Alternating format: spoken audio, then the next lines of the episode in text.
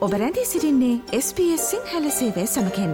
වැඩිතුර තොරතුර දැනැනීමට පිවිසන්න ps.com.ta/ සිංහල වෙපඩවයට SBS වර්ල් නිවස් ජාතික සහ අන්තර්ජාතිකව ඔබට වැදගත්වන ප්‍රවෘත්ති සැනින් සමීප කරයි. අද වෙනකොට මේ ගෙවිලගේ සතියේ ලෝකයේ වඩාත්ම උණුසුම් මාතෘකා පිළිබඳව අපි කතා බහාරම්භ කරමු. හිමනම් පුරුදු විදිහට ලොව වටා අපේ සතියේ විදෙස් විත්ති සමාලෝචනයෙන් සුපුරුදු පරිදි ආරාධනයක් කර සිටිනවා මේ තොරතුරු විග්‍රහයට අපිත් එක්ක එකතු වෙන්න කියලා මාධවේදී අමල් ජයසිංහ මහතාට ප්‍රංශ ප්‍රවෘත්ති සේවයෙන්. ආයුබෝවන් අමල්. ආයුබෝවන් නිලුක්ෂි. මුලින්ම අපි කතා බහ කරමු සමස්ත ලෝකයේම අවධානය ඇයි ඇමරිකාවට යොමුනේ මේ සතිය කියලා. පළවෙනි වතාවට ඇමරිකානු දේශපාලන ඉතිහාසයේ පහළ මන්ත්‍රණ සභාවේ කතානායකවරයා ඡන්දයකින් ඉවත් කෙරුණා. කෙවින් මැකාති eh, කතානායකවරයා ඇයි මේ විදිහට විශ්වාසයක් නොමැති බවට වන ඡන්දය ප්‍රකාශ කිරීමකින් ඔහුගේම පක්ෂය අය ඒ කියන්නේ රිපබ්ලිකන් පක්ෂය අය පහළ මන්ත්‍රණ සභාවේ ඇමරිකානු කොංග්‍රසයේ වැඩි බලතල තියෙන්නේ eh, වර්තමාන මධ්‍යම රජයේ විපක්ෂයට ඒ කියන්නේ රිපබ්ලිකන් පක්ෂයට ඔවුන්ගේම කතානායකවරයා ඇයි ඔවුන් ඉවත් කළේ අපි මේ සම්බන්ධව තියෙන දේශපාලනික වාතාවරණය පිළිබඳව කතා බහ කරමින් අද සාකච්ඡාව ආරම්භ කරමු අමල්. ඔව් දිල්රුක්ෂි මෙතන මේ ප්‍රධානම කාරණාව වෙන්නේ ඔබ කිව්ව විදිහට ඇමරිකාවේ මේ පහළ මන්ත්‍රණ සභාවේ අවුරුදු 234ක ඉතිහාසයේ ප්‍රථම වතාවට තමයි මේ විදිහට කතානායකවරයෙක් ඡන්දයෙන් ඉවත් කරන්නේ. ඉතින් මෙතන වඩාත්ම වැදගත් වෙන කාරණාව තමයි මේ පහළ මන්ත්‍රණ සභාවේ බහුතරයක් තියෙන රිපබ්ලිකන් පක්ෂයට. නමුත් ඔවුන් එකතු වෙලා මේ විදිහට කතානායකවරයා ඉවත් කරන්න ඔවුන් තීන්දුව කළා තිබුණේ ඔවුන් කතානායකවරයාට චෝදනා කරලා තිබුණා මීට කලින් අවස්ථාවලදී ඒ කියන්නේ ගිය සතියේ වගේ වෙනකොට ඇමරිකාවේ රජය වසා දමන තත්වයට ඇවිල්ලා තිබුණා මොකද රජයට අවශ්‍ය මුදල් වියදම් කිරීමට කොංග්‍රස් මණ්ඩලයේ අනුමැතිය තිබුණේ නැහැ. එතකොට මේ අනුමැතිය ලබා ගැනීම සඳහා ජෝ බයිඩන් ජනාධිපතිවරයා විශාල උත්සාහයක් ගත්තා මේ පහළ මන්ත්‍රණ සභාවේ සහාය ලබා ගැනීමට. ඒ අවස්ථාවේදී ජෝ බයිඩන් සමග එකඟතාවයකට ගිහිල්ලා මෙතන කියන ඔහු ඩීල් එකක් ගැහුවයි කියලා ජෝ බයිඩන් එක්කලා ඒ විදිහට ඇමරිකාවේ රජය වසා දමන්නේ නැතිව රජයට අවශ්‍ය මුදල් ලබා දෙන්න කටයුතු කළා කියන චෝදනාවට ඔහුට එල්ල වෙලා තියෙනවා. ඉතින් මෙතනදී යමෙක් කියන්න පුළුවන් ඩෙමොක්‍රටික් පක්ෂයටත් හැකියාවක් තිබුණා මේ ඡන්දය පරාජය කරන්න. නමුත් ඩෙමොක්‍රටික් පක්ෂයේත් යම් පිරිසක් කෙවින් මැකාතිට චෝදනා කළා ඔහු ඩෙමොක්‍රටික් පක්ෂයට ලබා දුන්න පොරොන්දුත් ඉෂ්ට කළේ නැtei කියලා. විශේෂයෙන්ම අලුත් අනපනත් ගැනීමේදී ඔහු රිපබ්ලිකන් පක්ෂයේ සහාය අරගෙන මේ ඩෙමොක්‍රටික් පක්ෂයට අවශ්‍ය විදියට ඒ අලුත් නීති සම්පාදනය කරන්න කටයුතු කරනවා කියලා ලබා දුන්නු පොරොන්දු ඒ ආකාරයෙන් ඉටු නොකිරීම නිසා ඒ වරදට ඩෙමොක්‍රටික් පක්ෂයේ മന്ത്രിවරුත් ඔහුට විරුද්ධ වුණා. ඉතින් මේ විදිහටම දෙපාර්ශවයෙන්ම ඌ ගැන විශ්වාසයක් නැtei කියලා. ඌ හරියට පොරොන්දු ඉෂ්ට කරන්නේ නැහැ කියන චෝදනාවක් තමයි මේ විදිහට ඉතිහාස පොතට එක්වෙන ආකාරයට කෙවින් මැකාතිව තනතුරෙන් ඉවත් කළේ ප්‍රථම වතාවට තමයි මෙවැනි දෙයක් වෙච්ච නිසා දැන් ඊළඟ කතානායකවරයා පත් කර ගැනීම අර්බුදකාරී තත්ත්වයකට පත් වෙලා තියෙනවා. කෙවින් මැකාති මේ තනතුරට ආවෙත් දිරුක්ෂි වට 13ක් විතර ඡන්දයකින් පසුයි. ඉතින් ඔහු මාස 9ක් මේ තනතුර ඉඳලා තියෙනවා. තාමත්ම කෙටි කාලයක් හිටපු කතානායකවරයෙක් හැටියටත් ඔහු ඉතිහාසයට එකතු වෙනවා. ඕ මං මේ කෙටියෙන් හෝ දැනගන්න කැමති අමල් දැන් මේ තත්ත්වය ඇමරිකානු දේශපාලනයට කොහොමද බලපාන්නේ කියලා. දැන් අපි දන්නවා ඩොනල්ඩ් ට්‍රම්ප් විශාල උත්සාහයක ඉන්නවා මීළඟ ඇමරිකානු ජනාධිපතිවරණයට අපේක්ෂකයා විදිහට ඉදිරිපත් වෙන්න. රිපබ්ලිකන් පක්ෂයේ දැඩි උත්සාහයක නියැලී සිටිනවා බලය ලබා ගන්න ඉදිරි මැතිවරණවලදී. ඉතින් දැන් ඇමරිකානු දේශපාලනයට මේ තත්ත්වය කොහොමද බලපාන්නේ? ඔව් දිලුක්ෂ මෙතන මේ දැනට ඇමරිකාවේ මේ පහළ මන්ත්‍රණ සභාවේ බහුතරය රිපබ්ලිකන් පක්ෂයට තියෙන නිසා ඇත්තටම රජයට තමන්ගේ අවශ්‍ය ඒ නීති සම්පාදන කටයුතු වලට විපක්ෂයේ සහාය නැතුව මේ වැඩේ කරන්න අමාරුයි. ඉතින් දැන් මේ විදිහට පාර්ලිම් ඔවුන්ගේ පහළ මන්ත්‍රණ සභාව පක්ෂ අනුව බෙදිලා තවත් ඇමරිකාවේ දේශපාලනය තවත් බෙදීම් වලට ලක්වීම තුළින් ඉදිරියේ මැතිවරණය දක්වා මේ පක්ෂ දෙක අතර එකමුතුව කටයුතු කිරීමේ තත්ත්වයක් ඇති වෙයිද කියලා විශ්වාස කරන්නට අමාරුයි. ඉතින් ඉදිරියේ තව දින 45ක විතර පස්සේ නැවතත් අර ප්‍රශ්නය මතුවෙනවා ඇමරිකාවේ රජය ගෙනියන්නට අවශ්‍ය මේ මුදල් ප්‍රතිපාදන ලබා ගන්න පුළුවන්ද නැද්ද කියලා. ඉතින් ඊටාත්ම අවිනිශ්චිත තත්ත්වයක් ඇමරිකාවේ දේශපාලනයේ මේ කාරණාවත් එක්ක නිසා උදා වෙනවා කියලා කියන්න පුළුවන්. ඇමරිකාවේ තවත් ක්‍රියාකලාපයක් පිළිබඳවත් ලොව අවධානය යමුණා අපි දන්නවා මේ යේමනේ පවතින යුද්ධය රාජ්‍ය බලය අල්ලා ගැනීම වෙනුවෙන් හූදී කැරලිකරුවන් ගෙන යන සටන. ඉතින් එහිදී යේමන රජයට පක්ෂපාතිව කටයුතු කරන්නේ සෞදි අරාබිය. හූදී කැරලිකරුවන්ට පක්ෂපාතිව කටයුතු කරනවා කියලා ලොකු චෝදනාවක් තියෙනවා ඉරානයට. ඉතින් මේ ඇමරිකාව මේ ඉරානය විසින් හූදී කැරලිකරුවන්ට ලබා දුන්නෑයයි පවසන ආයුධ යුක්්‍රේණයට ලබාදීමක් පිළිබඳව තොරතුරු වාර්තා වෙනවාමල්. මොකක්ද මේ මෙතන සිදුවලා තියෙන මේ අවි ගණු දෙනුව. ඔව් දිලුක්ෂ මෙතන ඇමරිකාව කියන්නේ දෙසැම්බර් මාසයේදී ඔහුන් අත්අඩංගුවට ගත්තයි කියලා ඉරානය විසින් යේමනී හූති කැරලිකරුවන්ට ලබා දෙන්න තිබිච්ච මූනිස්සම් ලක්ෂ එකොළහක් විතර ඇමරිකාව ඔවුන්ගේ භාරයට ගත්තයි කියලා. මේ විදියට ඇමරිකාව ප්‍රකාශ කරන්නේ ඉරානය නීති විරෝධී ලෙස ජාත්‍යන්තර නීති උල්ලංඝනය කරමින් මේ විදියට හූති කැරලිකරුවන්ට ලබා දෙන ඒ අවියායුධ සහ ඒ මෝනිස්සම් ඒවා ඔවුන් දැන් තීන්දුව කරලා තියෙනවා කියලා යුක්‍රේනයට ලබා දෙන්න. ඉතින් ඒ අනුව මේ පළවෙනි කොටස මිලියන 1.1ක මෝනිස්සම් සාමාන්‍ය සුළු අවි වලට පාවිච්චි කරන මෝනිස්සම් ලබා දෙන්න කටයුතු කළා තියෙනවායි කියලා. ඉදිරියේදීත් මේ විදියට ඔවුන්ට ඉරානයෙන් අවියායුධ අත්අඩංගුවට ගන්න පුළුවන් වුණොත් ඒවත් අනාගතයේදී යුක්‍රේනයට ලබා දෙන්න කටයුතු කරනවා කියලා සඳහන් කරලා තියෙනවා.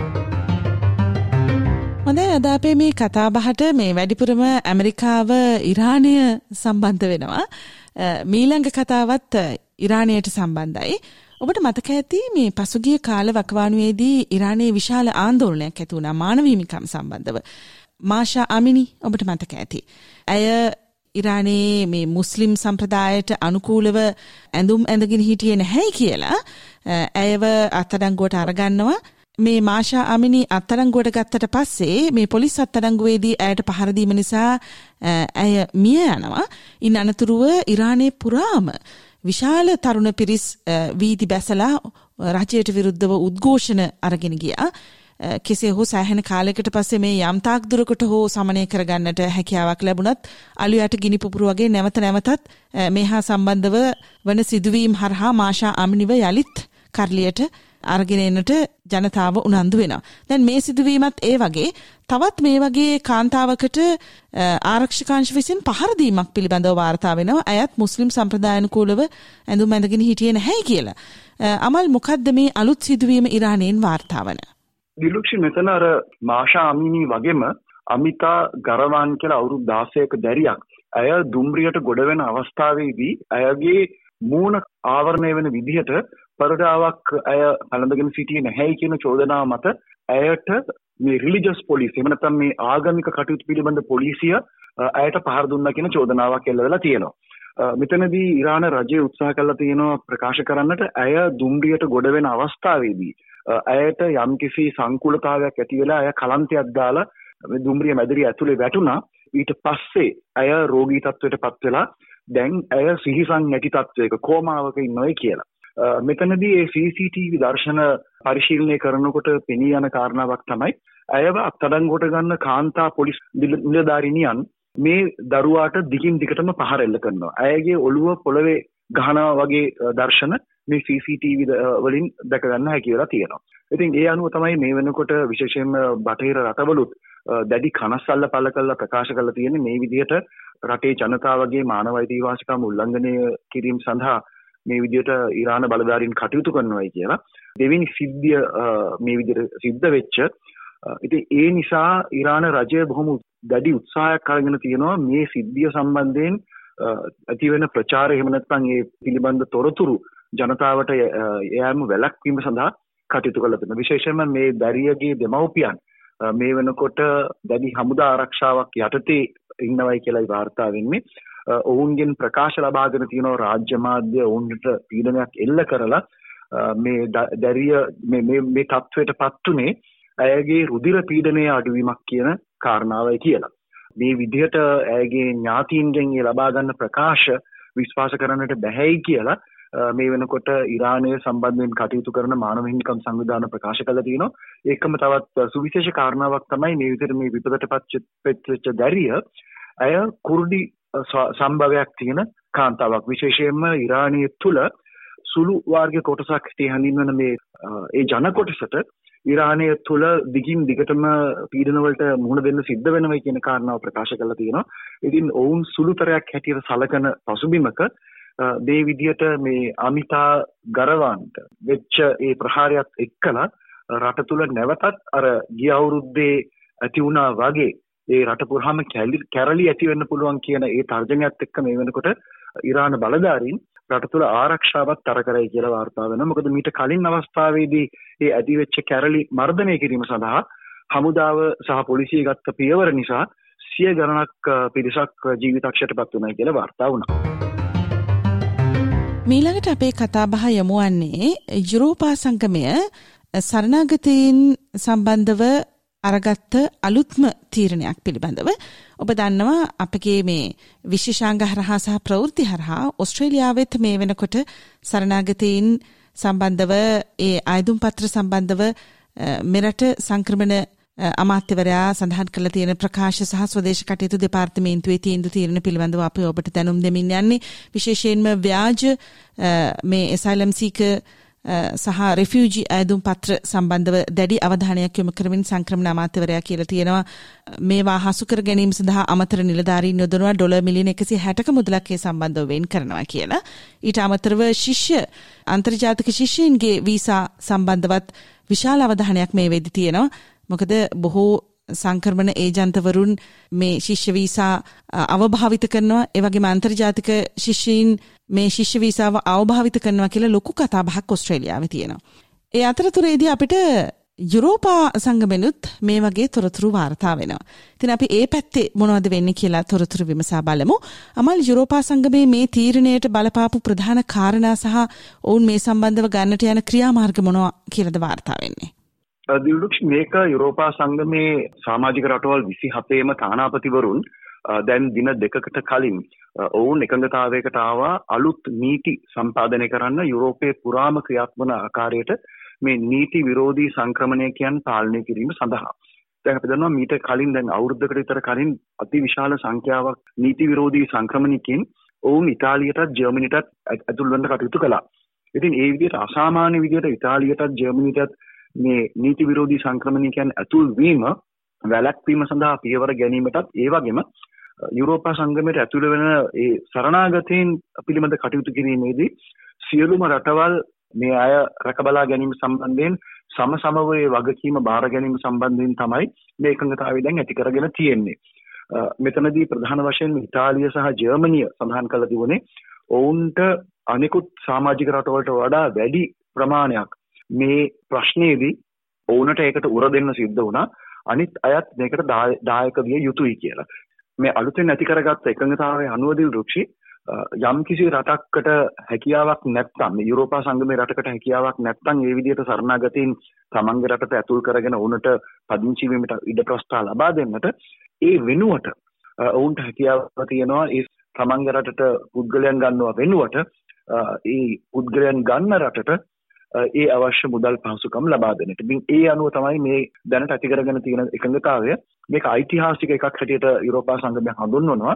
ඉතින් ලබන අවුරුද්දේ මැදභාගයේ වෙනකොට යුරෝපයේ පුරා ඇතිවීමට නියමිත යුරෝපා පාර්ලිමේන්තු මැතිවරණයට කලින් මේ කාරණාව ඉවර කරන්න තමයි ඔවුන් බලාපොරොත්තු වෙන්නේ.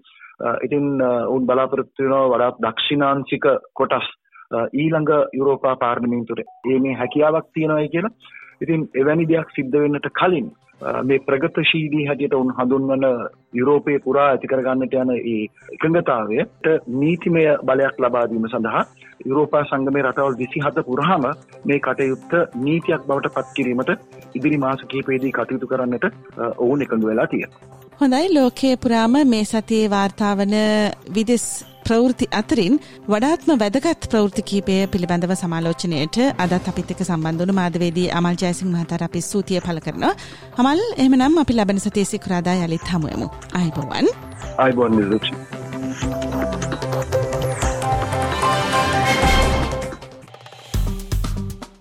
ලයි කරන්න ෂයා කරන්න අදහස් ප්‍රකාශ කරන්න SBS සිංහල ෆස්බුක් පිටුව ෆලෝ කරන්න.